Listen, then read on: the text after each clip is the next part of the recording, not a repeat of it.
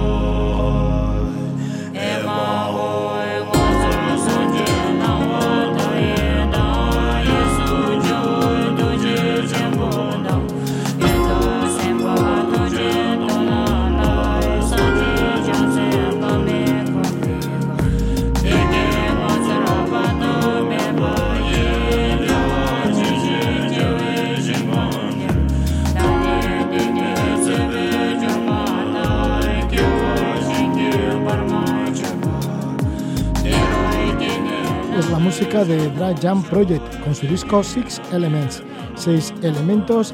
Es música que mezcla la electrónica con los cantos budistas de monjes de Bután que viven en el Prepirineo. Allí tienen un monasterio. Vamos a hablar con Oscar Gabaldón de su segundo viaje al reino de Bután, un gran descubrimiento este país, del cual pues no entra demasiada gente al año y ella ha tenido la oportunidad Oscar Gabaldón de estar moviéndose por diferentes valles y montañas del reino de Bután en el Himalaya. Óscar Gabaldón, que es de Madrid, es entrenador de esquí, llevaba gente en otro tiempo a esquiar a los Alpes, tenía una escuela de esquí y ahora es director de World Travel Marketing Group, que diseñan viajes para agencias. Lleva más de 26 años en el mercado de turismo y sus países favoritos a los que acude Raudo eh, son Tanzania, Nepal, en donde ha vivido, por ejemplo, vivió en el año 1997 todo un año en la zona de Pokhara y también otro de sus países preferidos, favoritos, es Bután. Recientemente ha estado allí en Bután, inclusive también en Nepal. Le damos la bienvenida a Oscar Gabaldón. Muy buenas noches, Oscar. Buenas noches, Roge. ¿Cómo estamos? Pues sí, ya tu segunda vez en Bután y vienes maravillado del lugar, por los aromas, por los hongos, entre otras cosas, y por todas las maravillas que tiene este país tan particular. Sí, la verdad que es un país entrañable y, espero que lo sigan cuidando así mucho tiempo, que en ello están. Y bueno, aconsejo a todo el mundo visitar ese país, porque es una, es una auténtica maravilla entre las montañas del Himalaya. El reino perdido le llaman. Bueno, no el reino perdido, el reino del dragón le llaman. así es llamado y la bandera del país es, eh, es un dragón y es un auténtico reino tibetano, ¿no? Eh, es un sitio entrañable. ¿Cómo se llega a Bután? Porque mm, no sé si el visado es difícil. Luego, claro, también hay que pagar bastante por cada día que se está viviendo allí o que se está uno moviendo por allí, porque tiene una tasa de turismo de unos 200 dólares al día. Bueno, para empezar, ¿cómo es llegar y cómo es esta tasa? ¿Y cómo es el visado? Os voy a contar un poco. Es un país pequeño, solamente tiene 780.000 personas. Y, bueno, pues eh, eh, para llegar ahí hay que pedir un visado siempre hay que intentar pedir el visado bien al gobierno, a inmigración o a una agencia de viajes de allí, que es como intentan eh, eh, que se gestione la llegada de cualquier turista, ¿vale? Y eh, se puede llegar, solamente se puede llegar o bien por, por tierra desde India o bien por avión desde Nepal, desde Calcuta, desde Delhi o desde Bangkok, ¿vale? Eh, solamente vuelan dos compañías eh, eh, en este país, que son las butanesas, Bhutan Airlines y Drakan. Son las dos compañías únicas que pueden entrar al aeropuerto. Es un aeropuerto dentro de los aeropuertos del mundo. dentro de, este aeropuerto está dentro de los 10 aeropuertos más peligrosos del mundo, porque entran, entras de montañas de 5.000 metros al aeropuerto que está a, 2.200 eh, y pico metros de altura, ¿no? Entonces es un aeropuerto complicado y solo pilotos mm, muy expertos eh, pueden pueden entrar eh, con el con el avión a este aeropuerto. Entonces, eh, comentábamos de la visa. La visa sí es importante que se, se, se pida con un mes de antelación, ¿vale? Porque, bueno, pues eh, es un, eh, toda la gestión eh, en este país es buena, pero tarda tiempo, ¿no? Entonces tú, desde que lo mandas hasta que recibes todo, puedes tardar en tener tu visa un mes. Entonces, un mes, 15, 20 días, un mes, ¿no? Entonces, yo recomiendo siempre, si son dos meses con antelación, mejor todavía, contra más tiempo para pedir la misa antes de viajar, muchísimo mejor. Luego hay una tasa, una tasa turística obligatoria, que son unos 200, 250 dólares eh, diarios. Entonces, pero no os asustéis porque eh, dentro de esta tasa está incluido el alojamiento en hoteles de en hoteles tipo estándar, tipo boutique o tipo estándar, la comida, pensión completa, eh, un guía y el chofer para moverte eh, eh, con un coche por el país, ¿no? Entonces todos estos servicios están incluidos, ¿no? Dentro de la tasa de la tasa de turismo, ¿no? Y bueno, ellos utilizan este sistema para para que con esta tasa ellos tienen la educación y la sanidad gratuita y todo esto va para el pueblo, ¿no? Eh, es, lo, trabajan así y lo, y lo, y lo hacen así, ¿no? Entonces, bueno, es un país completamente budista, eh, ya te digo que hay muy poca gente, son todo valles en el Himalaya, entonces eh, se llega desde, por ejemplo, la forma más fácil de llegar es desde Kamandú, por ejemplo, la más cercana, es, no llega a una hora de vuelo, y, bueno, pues eh, eh, para llegar a Kamandú también hay que hacer un visado. Ese visado puede ser online y bueno, se puede hacer un, un día anterior. El día anterior puedes hacer el visado online. Pagas, eh, puedes hacer un visado de tránsito que vale 5 dólares para un día nada más o puedes hacer un visado ya de, lo que es un visado de 15 días de turista que viene, a costar como como 30 dólares, ¿no? Entonces, bueno, eh, se puede hacer por internet y así luego no hay que esperar colas en la, en la entrada de Kamandú. Recomiendo pasar una noche en Kamandú, mínimo, antes de ir a Bután. Y bueno, si son más días, a mí me encanta Nepal y puedo recomendar a todo el mundo que Nepal es el sitio para no solo estar una noche, sino estar eh, un mes. Pero bueno, eh, ahora estamos hablando de Bután y, la, y estamos hablando de la forma más interesante y más rápida para poder llegar. ¿Cómo, ¿Y cómo es el aterrizaje en Paro, que es el aeropuerto de Bután? Dices que es uno de los 10 aeropuertos más peligrosos del mundo. Entonces, ¿qué es lo que se ve cuando vas aterrizando? Y cuando llegas a por fin a tierra dices, bueno, me he salvado, estoy vivo y además en uno de los países más maravillosos del mundo. Sí, la verdad que es que es como es un aeropuerto como de juguete porque todas las todas las edificaciones de Bután son iguales, son así tipo templarias, son con las ventanas eh, eh, eh tienen la forma de la flor de loto, entonces todos los edificios y todos los, eh, todo en Bután se, se construye igual, ¿no? Entonces, eh, eh, cuando tú llegas, llegas por las montañas del Himalaya, ves el Everest, desde el Everest y todas las montañas de al lado del Everest, cuando mm, vas volando desde, desde hasta, hasta Paro, y bueno, llega un momento que el avión empieza a entrar en montañas más bajas de 5.000 metros y bueno, entra en un valle es muy divertido porque además entra en un valle cuando ya está bajando el avión, ya va parece que ya ha entrado en el valle, ¿no? Y ya va a coger la pista, pues todavía tiene que esquivar una montaña, esquiva la montaña y, entra en la pista, ¿no? es un momento, un momento en el que todo el mundo aplaude y, al estar en tierra y todo el mundo dice, bueno, ya estoy aquí, ¿no? Y la verdad que es, eh, la llegada es muy tranquila, no suele haber mucha gente en el, aeropuerto porque tampoco tienen muchos vuelos, entonces la entrada en el país es, es muy, muy tranquila, pasas el visado eh, eh, muy rápido, te, te esperan tu, tu, guía y enseguida pues te puedes ir al hotel en paro o a, o a Timpu, que es la capital que está a 50 kilómetros de paro, tampoco está muy lejos, está en el siguiente valle, ¿no? Pero antes de llegar a Timpu, igual mm, se puede ir a una excursión al famoso Nido del Tigre, un monasterio sí, yo esa excursión, de dependiendo del viaje, la, recomiendo pues normalmente al final del viaje, ¿no? Pero en paro, aparte de tener la excursión del Nido del Tigre, y, cuidado, eh, no es para todo el mundo, es una excursión muy bonita, es un templo maravilloso del siglo VII, eh, pero yo mm, mm, eh, quiero decir que son cinco horas andando hacia arriba y con bastante inclinación y hay un momento, bueno, hay gente que no puede, que, que puede llegar hasta la cafetería, que serían dos horas y media andando, la mitad del camino aproximadamente.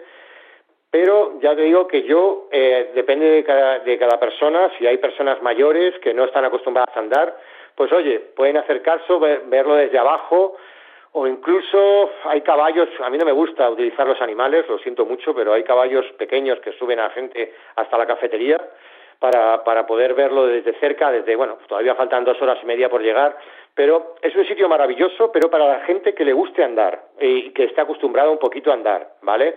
Mm, gente que no haya andado, cuidado, eh, ahí, eh, ahí, pues eso, pendientes, eh, a veces te puedes incluso escurrir, hay que tener cuidado, nada más que... Sí, porque además está a, tres, a 3.100 metros de altura, lo que te tiene que dar el mal de altura también, ¿no? Si no estás un poco habituado. ¿qué?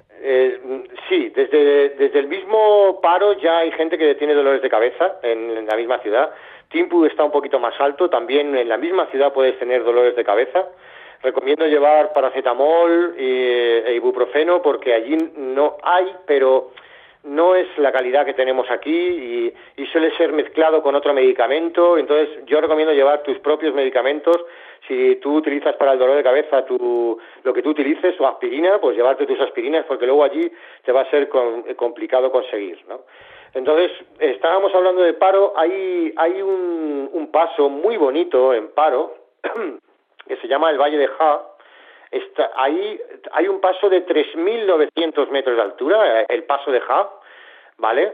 Entonces, el que no quiera ir al, monasterio de Tigre lo puede ver desde abajo, hacerle alguna foto, lo que sea, y porque no quiere andar, puede ir en coche al Valle de Ja, que es un pequeño vallecito con, gente humilde, eh, ganadera y, agricultora, y, con un templito muy auténtico y ahí es bonito pasar, pues eso, el que eh, yo por ejemplo a la gente que no puede subir el monasterio del Tigre, pues digo, pues unos van al monasterio del Tigre y los otros en el mismo momento se van a Ja y pasan el día en Ja y los otros en el monasterio del Tigre, ¿no? y así todo el mundo queda contento, ¿no? o se pueden hacer las dos, ¿no? Sí, sí. En, en, en, Paro, por ejemplo, se puede ya ver lo que es el ZON.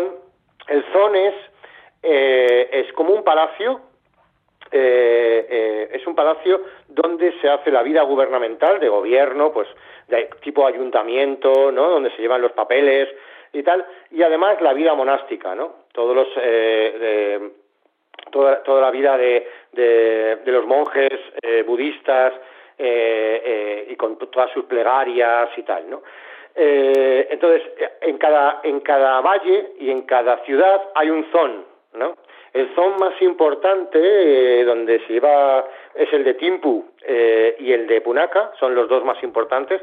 El de Timpu porque es la capital y el de Punaca porque es el, como el más grande y en donde se lleva en el Valle de Punaca se lleva toda la, la, vida, pues, hombre, pues hay monjes que llevan 20 años en estado de meditación. Y yo preguntaba, ¿y por qué esta gente está en estado de meditación? Y dicen, no, no, por la paz mundial. Y decían, joder, qué maravilla, ¿no?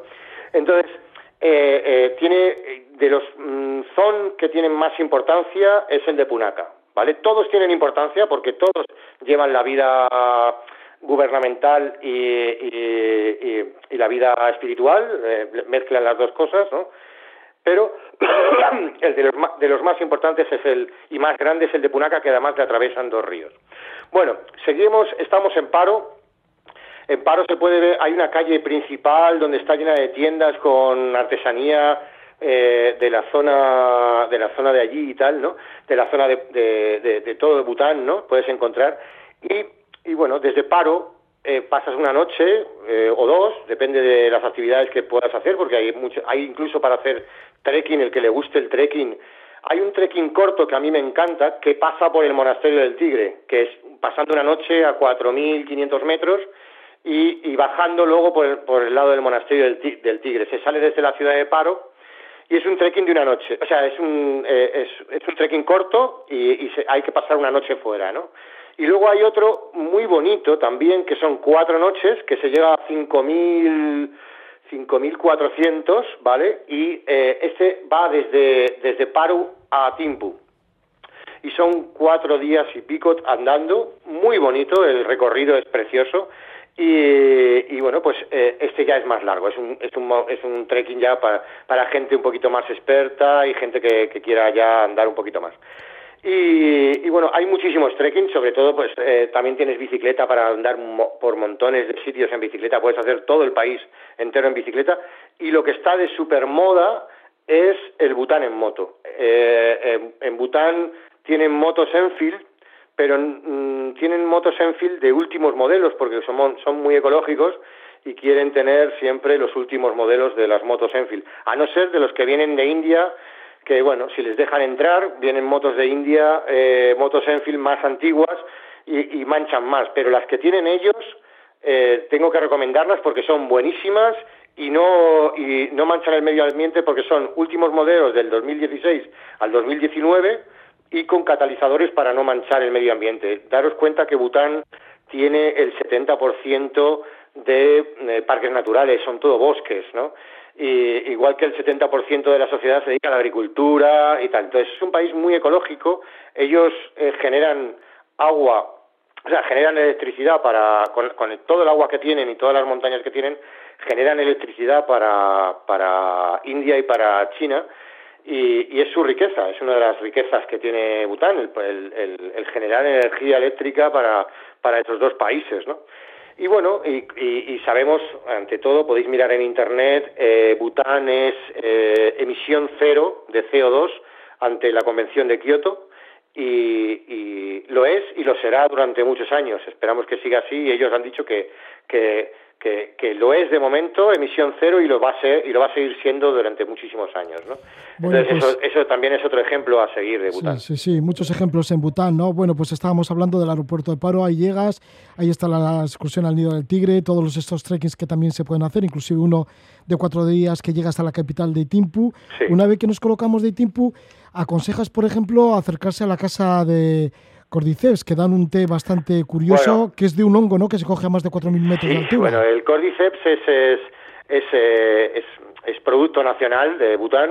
Es un hongo que se coge a 5.000 metros de altura, en praderas de 5.000 metros de altura. Las familias eh, suben, familias de, de agricultores, suben a, a esa altura y sentados de rodillas en el suelo, lo podéis mirar en internet, cómo van buscando eh, entre las hierbas y encuentran el hongo y, lo, cogen con cuidado porque al hongo está enganchado un gusano.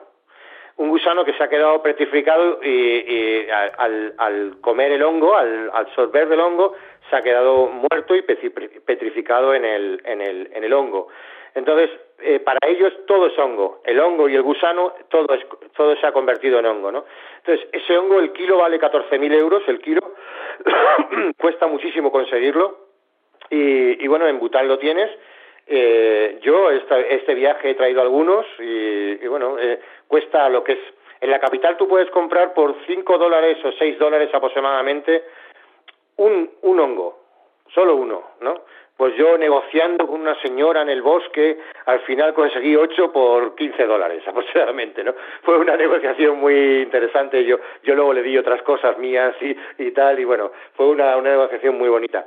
Y, este, esto lo puedes encontrar en el aeropuerto, puedes encontrar en tiendas y en Timpu sí hay una casa, es un nuevo sitio muy bonito que es la casa de los cordyceps, entras y te dan en té, te dan, te dan el té de, de, cordyceps, te sientas, te explican cómo lo consiguen, cómo se consigue, cómo hay que trabajarlo, porque eso se puede hacer en té o bien hacer un licor, entonces, dentro de una botella de licor de aguardiente o de, o de cualquier otro licor, se echan unos cuantos cordyceps, tres o cinco cordyceps, y eso te va a dar vitalidad, te va a dar, eh, es muy bueno para todo el organismo, incluso es como la Viagra. Eh, me contaba un médico de, de Bután que hubo un señor con una erección de 72 horas por los cordyceps, ¿no? entonces, entonces y, bueno, me decía, era gracioso porque me decía el hombre, la verdad es que lo bueno de todo es que no fue dolorosa la erección, y digo, no, bueno, pero bueno, eso es una, son historias de contar allí de Botán, ¿no? Que, que pasan, ¿no? entonces, pues como decíamos, Timpu no es lo más importante la caza de los cordyceps, es una atracción más ¿no? El que, eh, una actividad más que se puede hacer. En Timpu tenemos eh, lo primero cuando uno entra en el valle de Timpu, es un valle precioso, entras y en lo alto de la montaña vas a ver un Buda dorado de 50 metros, el Buda Point. El Buda Point es algo increíble que se construyó en, eh, aproximadamente en el 2000, en el 2002 o 2003 se empezó a construir se terminó en el 2006-2008 y esto fue porque el Buda Subhayanat eh, eh, predijo, bueno, dijo en sus escritos que si eh, hacían un, un, Buda, le ponían un Buda así de grande en la montaña y tal, pues que él, eh, su espíritu protegería a todos en el valle, ¿no? Y entonces, eh, bueno, pues eh, hubo unos investigadores o unos exploradores que encontraron estos escritos y bueno, pues los budistas lo hicieron, ¿no? Hicieron el, el, y es algo increíble, ¿no? Poder ver ahí arriba un pedazo Buda increíble con una plaza grande que tiene.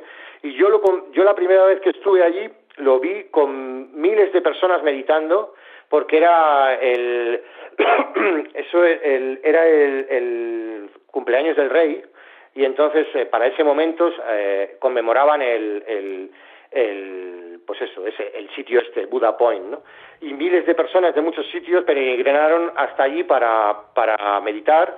Y bueno, ahí, además, dentro del Buda, abajo, hay como un, una estancia en la que están eh, personas escribiendo constantemente en sánscrito las palabras de Buda. Y de ahí pasan a todos los monasterios del mundo. O sea, es como el cuartel general el cuartel general de la palabra de Buda, ¿no? Un sitio impresionante, la verdad, en medio del bosque, es un sitio muy, muy auténtico. Otra cosa que se puede ver en Timpu es el animal, el taquín, que es, es como una, entre una oveja y un carne, no sé, es un, una, un animal raro, ¿vale? Es como, como una oveja grande, marrón, ¿sabes? Eh, con un morro así, morro largo, ¿no? Es un animal que solamente se ve ahí, ¿sabes? En, en Bután. Sí, que es símbolo nacional de Bután.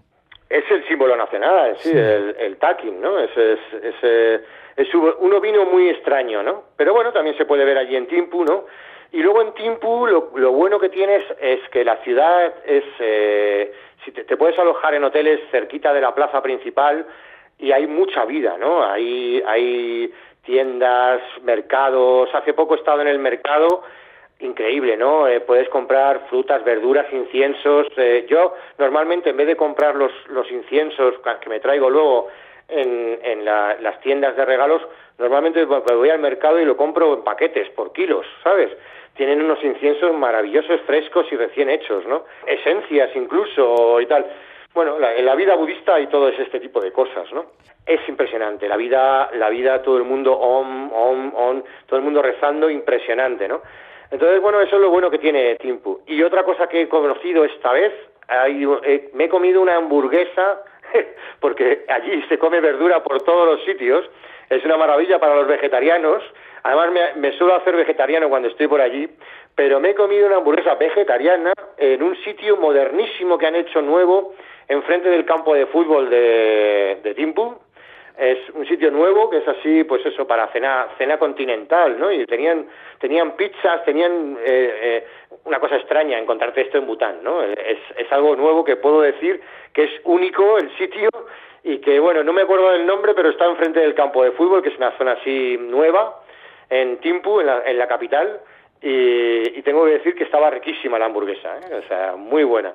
Y, y lo demás es, es, eh, por todos los sitios vas a encontrar verdura, ellos comen, comen con todo, le echan, a todo le echan unas, unas guindillas, son como pimientos pequeños, mm, no es como la guindilla india, es más grande, es como los pimientos de padrón, más grande que los pimientos de padrón nuestros, un poco como los pimientos que tenéis en el País Vasco, ¿vale? Que se, que se comen en ración, que son verdes, eh, es de este tipo y los hay verdes y rojos. Y entonces los tienen encima de los tejados secando y ellos lo, en todas las comidas se hace con queso. Se, se, se hace una mezcla con queso con estos, con estos pimientos, pimientos con queso y lo mezclan con todas las comidas. Se come bien, ¿eh? Todo verduras, se come muy bien. Estamos con Oscar Gabaldón, que nos está llevando al reino de Bután. Hemos llegado al aeropuerto de Paro, hemos seguido también por el Nido del Tigre, este monasterio colgado en las rocas a más de cerca de 3.100 metros de altura.